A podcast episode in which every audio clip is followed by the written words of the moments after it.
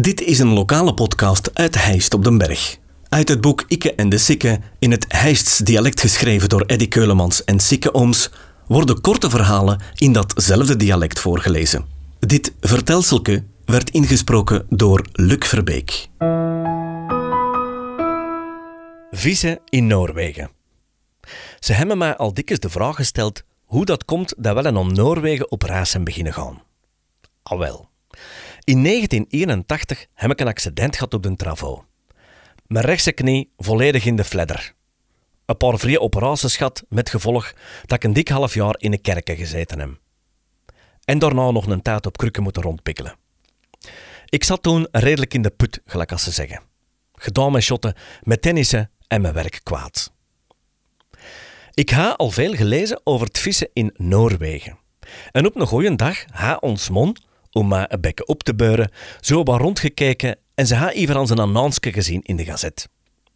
Een koppel van linkerhoever, eigenlijk waren ze van Sint-Gilles die wenden in de zomer in Noorwegen en die verhuurden daar hozekes. Ze gaan op die mensen gebeld, maar die madame die zei dat het misschien beter was om eens een keer tot aan de andere kant van het Scheld te komen. Wel het dus afgesproken en we rijden naar linkerover. We gaan het adres, maar in 1981 was er nog geen GPS. We zijn toen drie of vier keren door de kleine tunnel hennen en teruggereden. Op den deur hebben we het dan toch gevonden. Een appartementsblok en die mensen wenden op het achtste. Gelukkig was er een lift, want anders had ik er nooit niet boven gerokt. Die madame liet ons binnen en ze zei tegen Simon dat ze maar moest meekomen de living voor wat uitleg over Noorwegen. Ik moest dan maar naar het bureau waar de haar vent zat om over het vissen te zeveren.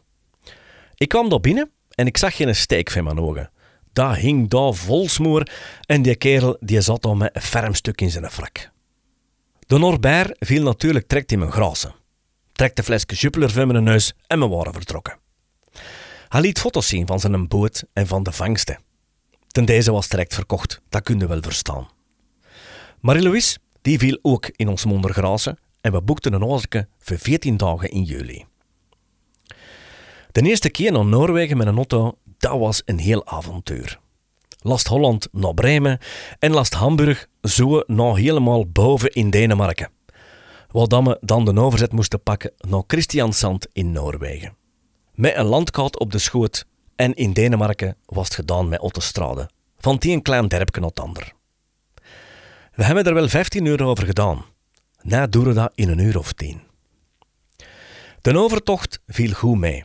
Alleen vond ik de auto niet meer terug als we in Noorwegen aankwamen. Op die boot waren er wel vijf verschillende autodekken en we waren vergeten om te kijken op welk verdiep we stonden. Allee, we moesten dan nog 100 kilometer rijden tot aan het huis van de Norbert in Ramsland. Ze hebben ons een wegbeschrijving gegeven en aan het hele huis zou een plaketje staan met de vermelding koffie is klaar. Van die 100 kilometer was er misschien 25 kilometer verhet. De rest was groosweg, maar wel goed bereidbaar. Na de kaffe weer wel naar ons huisje gebroegd. Wel waren hij echt niet kieskeurig, maar dat was een krotman. Wel schoon gelegen, maar dat kot was zeker 300 jaar oud. Maar binnen viel dat best mee. Alleen, er was geen stromend water en geen elektrik. Boven op de berg was een meer. En nef het was, was zo een lopeke en daar hebben we dan drinkwater uit. S'avonds staken we een paar petrollampjes aan en de ijskast die werkte op gas. De eerste dag, een zondag, regende dat al wijven. Ik stond met onze Pascal, die was toen een jaar of tien, te vissen op een pirke en ons mon die zat in de auto te brein. Ik zei tegen mijn opvolger, Mateke, bekijk dat helemaal is goed, want deze is misschien de eerste en de laatste keer dat je in Noorwegen zet. Maar gelukkig kleerde dat s'avonds op en voor de rest van onze congé was het stralend weer. We hebben toen al ineens het volgend jaar geboekt, maar dan wel veel een wat comfortabeler hozeke gekozen. Ik had dan natuurlijk ook een bootje gehuurd bij de Rudolf, een gepensioneerde facteur. Om smergens, zowat rond een uur of vijf, na het terrein, moest ik voorbij het huis van de Norbert. Die had toen een huskeboten en die zat elke mergend met zijn deur open en met een gerold sigaretje tussen zijn lippen op zijn houten gemak te kakken. Ik tutte dan eens en hij woofde dan terug. Later vertelde hij dat dat een van de moeilijkste dingen was dat je kunt doen. Trekken aan uw sigarettetje en tegelijkertijd douwen op uw kak. Onze Pascal, die hagen dat ook nozen in. Die vertrok smergens met een emer, een stok en een mes en die kwam snoerens op zijn gemakske terug. Die had dan wat klein visjes en wat krabben gevangen en die zijn een dag kon meer kapot. Onze Kalle die heeft al eens een accidentje gehad. Met spelen, met wat Noorse jong, had hij een steen op zijn gezicht gekregen. En die is een één wengsbra die hing over zijn oog. En lakken verken. De dokters die zijn nog niet bij de deur en je moest al wel bijna 100 kilometer rijden voor een kliniekje.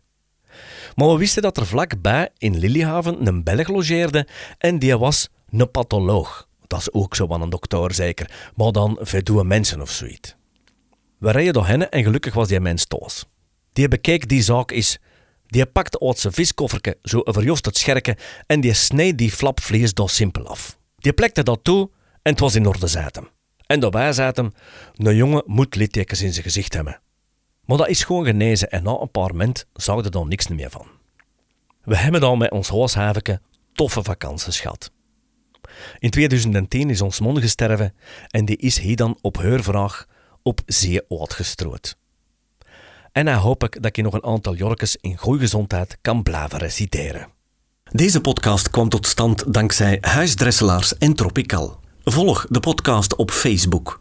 Reageren kan je via de website ditishijst.be slash ikke en de of ikkeendesikke.be.